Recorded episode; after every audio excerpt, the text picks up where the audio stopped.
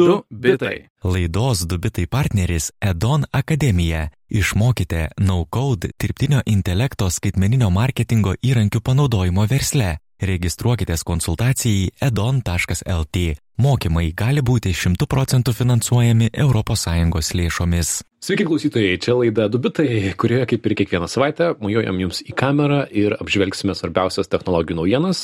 Prie mikrofonų Lukas Keraitis, šalia manęs Jonas Lekevičius su puikiu, labai gražiu mėgstiniu. Labas, Jonai. Labas, Lukai. Linkėjimai mamai, gražus mėgstinis. Taip, mamo nuvesgiai mėgstinį? Fantastiškas. Taip, plojimai. Tikrai gražus, kas matote per kamerą, prašau pasigrožėkite. O mes šokame į technologijų naujienas. Šią savaitę jų prikapsėjo tikrai. A, pirmoji naujiena, tai čia vos spėjom pasiruošti, nes įkrito į kišenę visai šviežiai a, apie Albaniją ir čia GPT. Jonai, papasakok, ką mes žinom.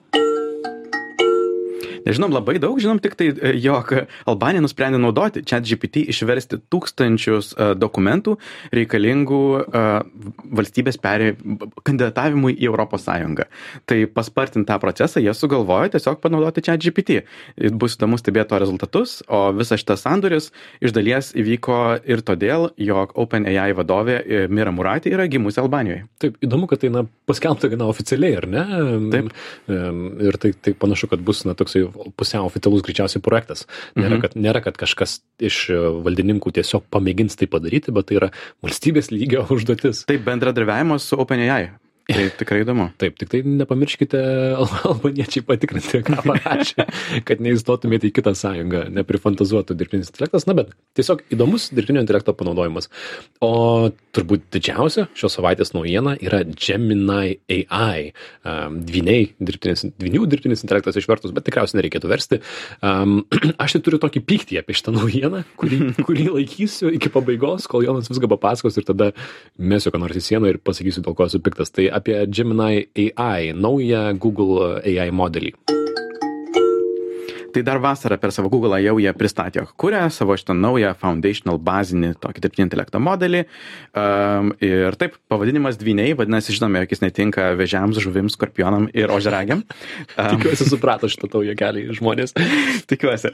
Jie pristatė tris skirtingus dydžius ir tie dydžiai yra trim skirtingam panaudojimam. Tai aš manau yra visai įdomu, jog tai tokia tas, ta pati idėja, tačiau visgi labai skirtingai prisitaiko skirtingose kontekstuose. Dar prieš tai vis tai galima pasakyti trumpai, kas yra foundation model, tai yra fondacinis modelis, ką, kas, kurį Google galim trumpai paaiškinti. Kas tas foundational yra toksai, nėra, nėra labai visiškai tai konkretus apibrėžimas, jis toksai platesnio panaudojimo galima vėliau taikyti siauresniems dalykams. O kas yra modelis? Tai modelis yra iš tokių dviejų dalių, galima sakyti. Šiaip modelis yra tiesiog skaičių rinkinys.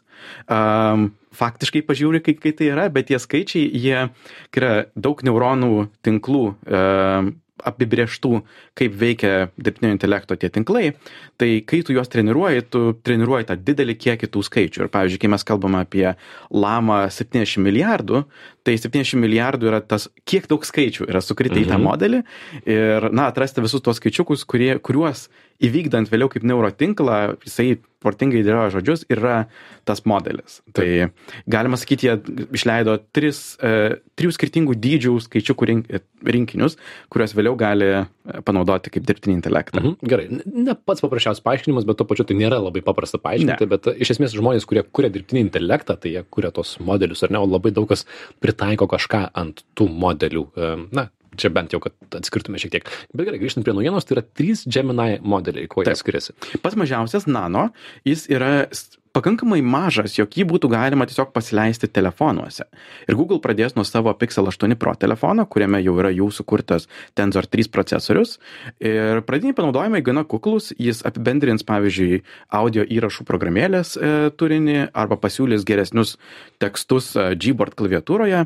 Aš manau, ilgainiui tas funkcionalumas plėsis, nes vėlgi, kai tu turi dirbtinį intelektą, kuris tiesiog veikia tavo telefone, tai yra visai galinga idėja. Ir aišku, Google pradeda nuo savo procesorių, bet jie taip pat jau kalba, jog Qualcomm, Samsung ir MediaTek, kurie pagrindę gamina procesorius Android telefonams, jie irgi turės tuos savo neuroninius branduolius savo procesoriuose ir turėsime tuos lokalius tiesiog telefone veikiančius dirbtinius intelektus be jokio interneto, kas Be yra visai jokių- gerai. Be jokių debesų. Taip. ar ne? Tai tai Ir tada su tuo susijusi yra tokia mini naujiena naujienoje, naujiena naujienoje, pusė džinglo. Tai Apple šią savaitę išleido iOS 17.2 ir ten didžiausia naujiena yra tokia dienoraščio journal. Dirbtinis intelektas, kuris, kadangi viskas vyksta tavo telefone, jisai gali žinoti privačius duomenis, kurių Apple nenori žinoti ir nežino. Tai vėlgi, kur tu buvai, kokie buvo tavo sveikatos duomenys, kokios nuotraukas darėjai. Ir kai tas dirbtinis intelektas yra tavo telefone, tu gali žymiai labiau išnaudotas privačius duomenis kažkokiam įdomiam uh, įdomiai išvadai. Ir aš manau, tiek e, tie lokalūs asistentai, kaip Google Assistant ar Siri, kitais metais turėtų dėl šių tokių lokalių kalbos modelių visai suprotingėti. Mhm. Geras, gerai žvalga. Uh, gerai, važiuojam toliau, nes aš tą pyktį vis dar laikau. Tai vidutinis modelis, kurį išleido e, Pro, jis jau yra pasiekiamas kaip Google Bard variklis. Tai jis yra galingesnis už GPT 3.5, tai yra tai, ką nemokamai naudojatės e, per chat GPT, bet jis jau veikia nelokaliai, jis aišku veikia Google serveriuose ir jis tikrai nėra GPT 4 lygio, bet Bardui tikrai ir geras pagerinimas, jis veikia žymiai grei, greičiau negu GPT. Um, ir nors oficialiai sako, jog jis palaiko tik anglų kalbą, mano eksperimentai rodo, jog šiaip tai kalba ir lietuviškai. O, nežinau, dėl ko Google nervinas, jog sako, nepaleidžiam dar kitomis kalbomis. Kai mhm. Šiaip tai atrodo viskas veikia. Na, o jau artėjom link tavo pykčio. Didžiausias modelis, kurį paskelbė, yra Gemini Ultra. Tai yra jau nebe vien kalbos modelis, nes tai yra ir multimodalinis modelis. Jisai yra kartu treniruotas su vaizdu, garsu ir video. Norint šiek tiek geriau suprasti, kas yra tas multimodališkumas, tai galima įsivaizduoti, jog toje pačioje galvoje, kabutėse, e, dirbtinio intelekto, jis sieja konceptus. Jis supranta tiek žodiškai, ką reiškia kažkurie dalykai, taip pat turi ir vaizdinės, galbūt garso asociacijas ir gali žymiai protingiau mąstyti. Galbūt, pavyzdžiui, susijęs, nežinau, Lietuvą ir Malį, tekstu galbūt nelabai kas susiję, bet jeigu tu vaizdu žinai, jog, a, panašios vėliavos, um, galėsi pradėti daryti tiesiog tokias protingesnės, kūrybiškesnės asociacijas. Ir Google kalba, jog uh, modelio ateitis yra dar labiau multimodališkesnė, tai yra jie norės jungti tą su robotika, tai judesiais, veiksmu, ir taip toliau. Tai mhm. visai įdomu. Multimodališkumas yra tai ties, kuo aš trinu rankomis ir ne aš vienas, man atrodo, na, mes norime tų modelių, kurie gali, gali kalbėtis tarp formatų, tarp, tarp skirtingų ar ne užduočių. Na, čia GPT jau dabar taip pat to turi, kur gali kelt paveikslėlį, jis gali mhm. generuoti, tada atsakyti tekstu. Na, muzikos dar berots nėra, ar ne, bet, ne. sakykime, tai va, Puiku, puiku, kad juda šitą kryptimį. Mm -hmm. Ir Google labai geriasi, jog Ultra jau laimi prieš GPT-4, tiesa, tačiau ne prieš tą patį geriausią GPT-4 turbo, kuris nesnei išleistas. 30 iš 32 tokių dirbtinio intelekto matavimo testų jie laimėjo prieš GPT-4, tai vadinasi tikrai kokybiškai. Kaip tą galime išbandyti? Niekaip. Um... Tai va, aš jau pradedu trankyti per stalą ir trankysiu per stalą dar ilgai, nes um, tikrai piktas esu ant šitos naujienos. Gerai, kad mes praeitą savaitę, nes mes tik įrašėme laidą ir išėjo šitą naujieną ir atsimenu, o ne, nespėjom papasakot, mhm. bet visai gal gerai padarėm, nes dėl ko aš esu piktas, jeigu YouTube'e nueitumėte į Google paskyrą, jie turi įkėlę dabar demonstracinį filmuką, kuriame pristato Gemini Ultra, na, realių laikų, tas filmukas jau sulaukė virš 2 milijonų peržiūrų ir jis atrodo neįtikėtinai, tai atrodo e, filmuojama iš viršaus, e, žmogus padeda lapas nupiešęs antį, sako, ką čia matai, čia tikriausiai antis, jinai vandenyje plaukia. Ir jis daro visokias užduotis ir realiai kalbasi, atrodo atrodo su tuo dirbtiniu intelektu, mhm. jisai atpažįsta, kas nupiešta, ką sakai, ką, ką brėži, ką ten dar daro. Taip, jis, pavyzdžiui, tau tiesiog parodė jam žemėlapį, jisai tau sukuria žaidimą atspėk šalį, jis toksai atrodo ir visa tai vyksta balsu. Taip. Jam duoda užklausą balsu, jis iš karto atsako balsu, atrodo, oho, va čia tai jau kito lygio demonstracija. Taip, atrodo, tai va, tai aš tai tikrai galiu panaudoti, galėtų paimti vaikai ir mokytis, ar ne, į pedą iškelia į viršų. Mhm. Ir tai atrodė, na tikrai, aš apsidžiaugiau, galvoju, bus apie ką kalbėti kitą savaitę. Ir po kelių dienų išeina naujiena, kad jog visa šita demonstracija yra suklastota iš esmės. Taip, iš esmės jinai netikra, kas yra labai labai pikta, nes jinai atrodė labai tikroviškai, bet um, to negalima išbandyti. Uh, realiai ten buvo nuotraukos, kurias davė mhm. modeliui. Buvo žymiai de detalesni ir pilnesni promptai, nes Taip. vienas iš klausimų buvo, wow, koks protingas modelis, jam praktiškai jokio prompto neduodė, jisai pats sugalvoja, ką atsakyti, kaip interpretuoti.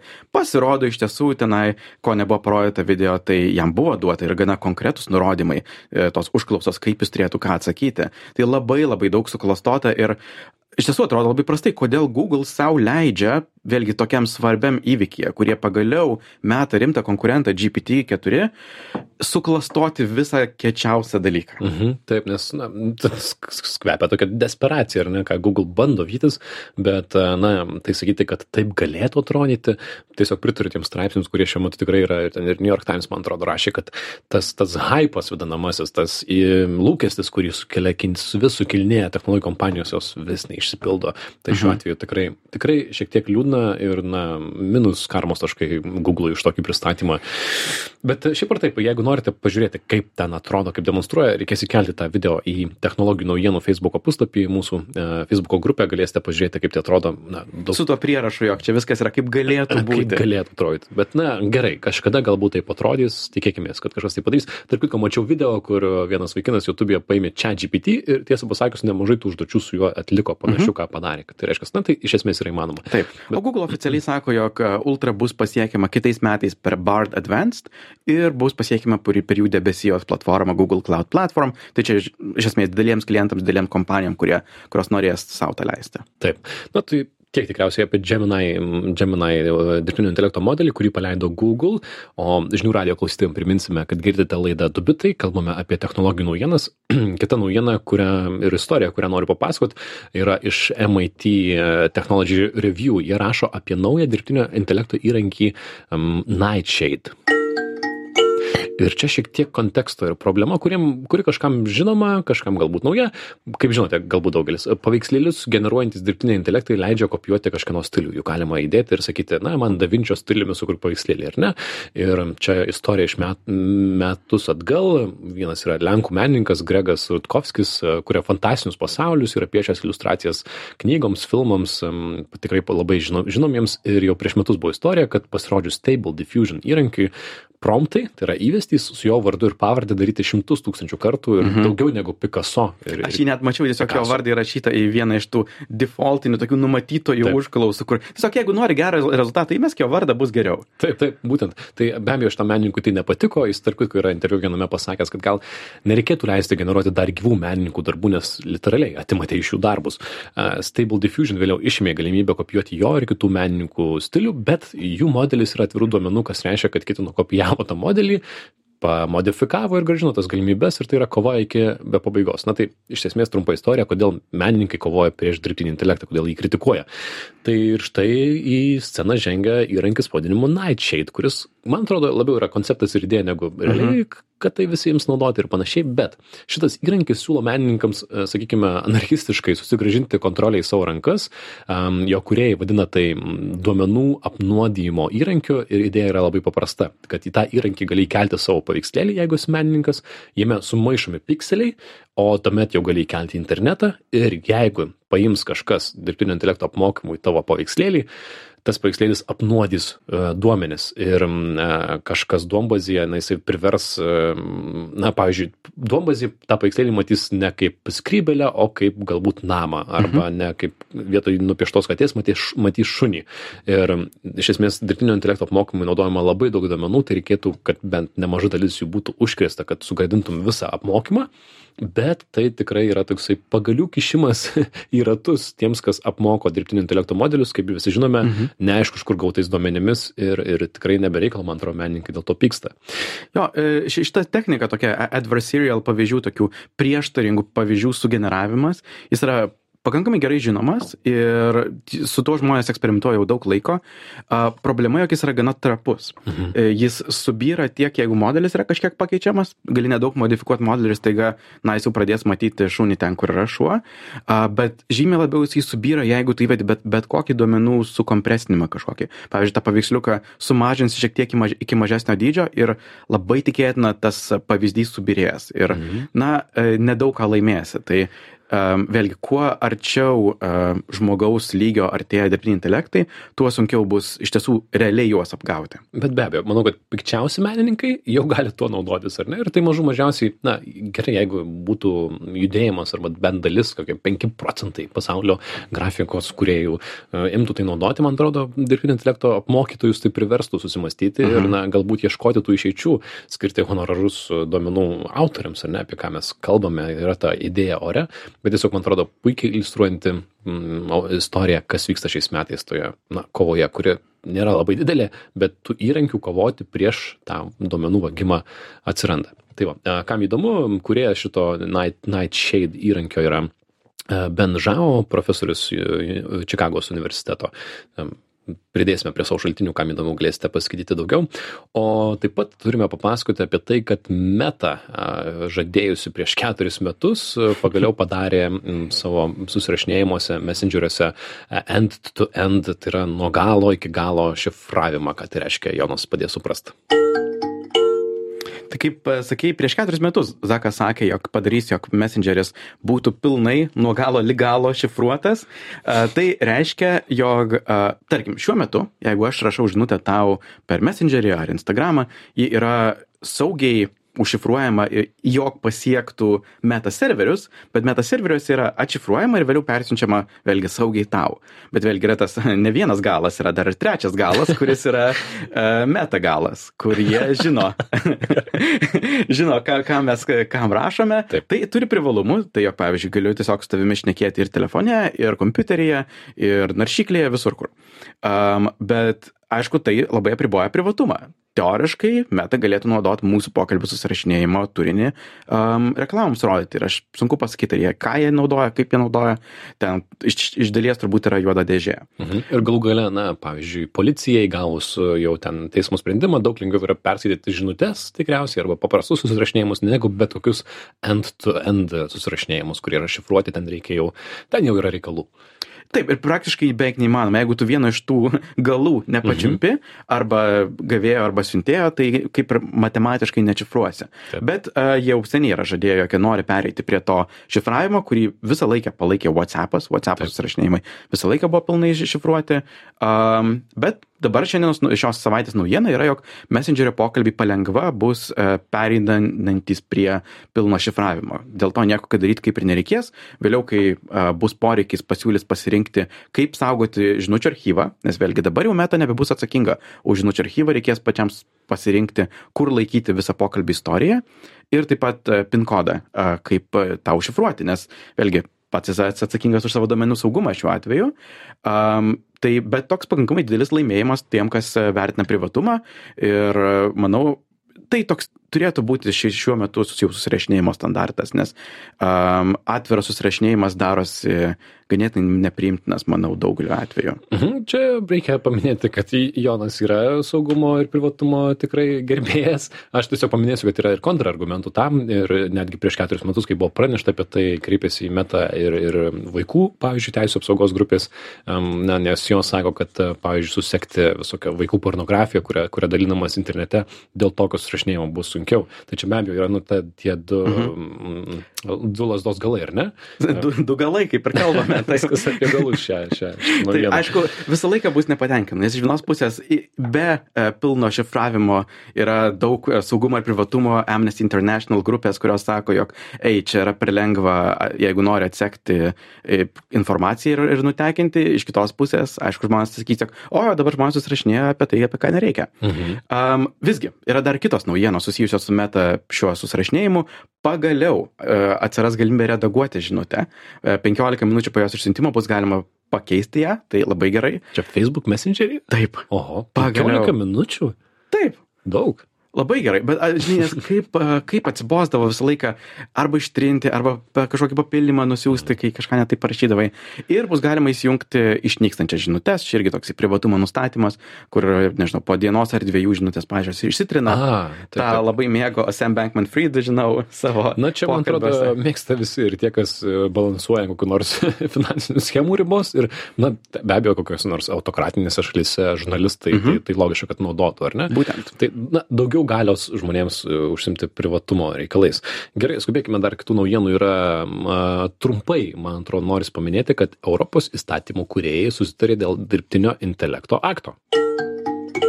A, pasakysiu, jo, jo tikslas yra valdyti rizik, dirbtinio intelekto rizikas, nestabdant technologijos. Apie tai mes jau kalbėjome birželį 85 laidoje, visai aptarėme, kas čia nutiks ir panašiai. A, žodžiu, taisyklės įsigalios 25 metais, anksčiausiai bus baudos iki 7 procentų globalių pa- pajamų, a, dar turės nubalsuoti Europos parlamentas, bet tai laikoma formalumu. Esmė tame, kad a, ką kalbėjome prieš pusę metų, daug kas panašu keliasi, esu šiek tiek piktas, nes kaip ir kiti technologijų apžvalgininkai nerandame detalių, dėl kurių dar vis dar tariamasi. Tai iš tikrųjų, ką konkrečiai reiškia ES nutarimas dėl dirbtinio intelekto įrankių, yra šiek tiek mistika, nuoširdžiai. Kažkas, na, kas naujo, tai yra, kad pastaraisius porą mėnesių buvo daug kalbamasi apie foundation models, modelius, tai yra um, galbūt jiems reikėtų taikyti tam tikras taisyklės, kurias netaikome kitų, bet lieka ta pati, tas pats principas, kad bus trys rizikos lygmenys, uh, rizikingiausiai laikomi dirbtiniai intelektai bus stipriau reguliuojami uh, ir, na, tos pačios idėjos, kad negalima socialiniam vertinimui naudoti dirbtinio intelekto išlieka a, taip pat, kad negalima vei- veido a, atvaizdų rinkimą, tai yra negalima atpažinti veidų realių laikų, nebent esi policija arba pasienio apsauga, mm, tai tai išlieka, bet iš esmės, iš esmės mes labai labai daug nežinom kaip Mhm. atrodys tos taisyklės iki galo, nors um, parašė laikraščiai ir išėjo antraštės, bet tiesą pasakius, mes tikrai labai daug nežinom detalių. Tai ties, jeigu kažkam įdomu, tai paskaitykite, paklausykite 85 laidą, kur mes spėjome, kaip tai galėtų atrodyti. Bet, na, Europa gyrėsi, kad pirmasis žemynas su Mhm. šitais visais mm, pokyčiais, nors 150 įmonių pasirašė dar birželį Europos komisijai, parlamentui laišką, sakė, kad toks reguliavimas galėtų neigiamai paveikti Europos konkurencingumą ir pastarais mėnesiais, pavyzdžiui, Prancūzija, kuri nori e, per savo olimpiadą vasarą naudoti veidų atpažinimą gatvėse Mhm. saugumo sumetimais, jie jau sakė, gal ir atlaisvinkim tas taisyklės. Tai, žodžiu, e, detalių specifinių naujų neturim, kad ir kaip tai nuskambėjo, kad ir kaip ieškojau. Dėja. Mhm. Bendrai, manau, iššūkis su visais, visom tokiam reguliacijom, kai prasidėjo šio įstatymo dėliojimas prieš kelis metus, visų dėmesys buvo apie deepfakes, mhm. kurie, aišku, vis dar yra aktualūs, bet tikrai nebe tokio aktualumo kaip anksčiau. Jeigu įsigalios 25 metais, kas bus aktualu tada? Ir manau, iššūkis yra kaip vytis šitą technologiją, kuri vystosi mėnesiais, mhm. o įstatymų leidyba trunka penkmečiais. Taip. Tai tikrai bus dėlis iššūkis Europai, kaip, na, neužstrikti šitame, šia, šiais metais. Taip, na čia amžinas, aišku, klausimas, ypatingai Europos Sąjungai, bet šitas dokumentas pradėtas kurti dar 21 metais ir, na, 22 metais atsirado visi generatyvūs dirbtinio intelekto įrankiai, dėl ko reikėjo tiek daug visko persvarstyti. Na, žodžiu, e, kai bus kažkas specifinio, kai nutiks istorijos, mes jums, man atrodo, papasakosime. O dabar gal dar spėsim tokią vieną mažiau svarbią naujieną. Mažiau svarbu. bet a, man norėjosi, man atrodo, kad tai yra ne visai susijęs su technologijomis, bet man atrodo, mūsų klausytojams įdomu, kas naujo vyksta pasaulyje ir šiek tiek sekti vadinamosius trendus, tai aš jums noriu papasakoti apie Skibidi Toilet. Kalbantį klozetą. E, Kas žinote, apie ką mes pasakosime, tai užjaučiu jūs. Nes reiškia, tikėtina, kad turite vaikų, e, kuriems mažiau nei 10 metų, bet tiesiog noris paminėti, kad šiuo metu YouTube'e populiarėja tokia keista e, animacija. Ji vadinasi Skibdi Toilet, ją kuria YouTube kanalas pavadinimu Dafjuk Boom, kitaip ištariau negu rašosi, nes, nes nori išduoti keiksmažodžių. E, Jaunas gana kuriejas, 20 kažkelių metų, jie šią akimirką turi 36 milijonus subscriberių ir daugiau nei 14 milijardų peržiūrų YouTube kanale. E, Pavyzdžiui, prieš 9 dienas įkelta 68 šio keisto serialo serija, 2 minučių ilgio yra peržiūrėta 42 milijonus peržiūrų. Na tai čia yra panašu šiek tiek į Baby Shark reikalus. E, Įdomu, kad e, čia yra pirmasis kultūrinis reiškinys, kurį, e, pavadinkime, heitina Gen Z, tai yra paaugliai, kurie sako, ir, ir teko bendrauti, jie sako, kad taip, tai yra labai cringe, e, keista, nes tai iš tikrųjų serialas, kurį žiūri dešimtmečiai, devynmečiai, aštuonmečiai, e, vadinamoji Gen Alpha karta, ar ne? Ir tiesą pasakius, net YouTube kultūros ir trendų vadybininkas, pasirodo, yra tokia pareigybė, sakė, kad tokio fenomeno, kad kažkas taip išpopuliarėtų, seniai nematė. E, paprašiau yra pažiūrėti tikriausiai vieną seriją, nieko nesuprasite, nes mhm. naratyvas yra toksai nelogiškas, ten karas tarp tualetų su žmonių galvomis, skibidi tualetų e, ir jų vado G-Man ir žmonių kamerų, e, tai yra, kurie turi ant veidų elektroninius prietaisus. Ir tai yra tokia gazinanti animacija su kampuotais judesiais primena Half-Life e, šiek Čia tiek. yra tie patys visiškai objektai. Taip. G-Man pilnai pasiskolinęs, net visas variklis yra tas mašinima, toksai Mhm. žanras, kur šiaip egzistuoja gal 15 metų, bet e, štai sugrįžo dabar į, kaip toksai labai trumpos istorijos, kurios visiškai neprasmingos. Taip, jeigu jums e, daugiau nei 16 metų, aš manau, naratyvo visai nesuprasite, tarsi žiūrėsite ir būsite, kas čia vyksta šitame ekrane, nes nėra žodžių, e, kažkokia ten vizuali komedija, yra nuorodų nemažai į visokius kultūrinius artefaktus, kaip ten Frodo Fo- Fortnite'as ir panašiai, e, perėtos veido emocijos e, tikrai ten naudojamos ir, na, ten tokia vyksta kova, tikrai turi fanų šitas serialas, bet iš šono žiūrint, taip įėjus, tai sužiūri ir galvoju, nieko nesuprantu. E, Aišku, diskutuojama, ar tai galima, ar tai turėtų vaikai žiūrėti ar ne. Aš sakyčiau, pats prieš miegą nežiūrėčiau, nes man kelia baisės emocijas ir ten tikrai yra žiaurumų. Tai žodžiu, jeigu turite mažamečių, tikriausiai tai jums yra aktualiai, jei ne, gal girdite pirmą kartą gyvenime, bet štai.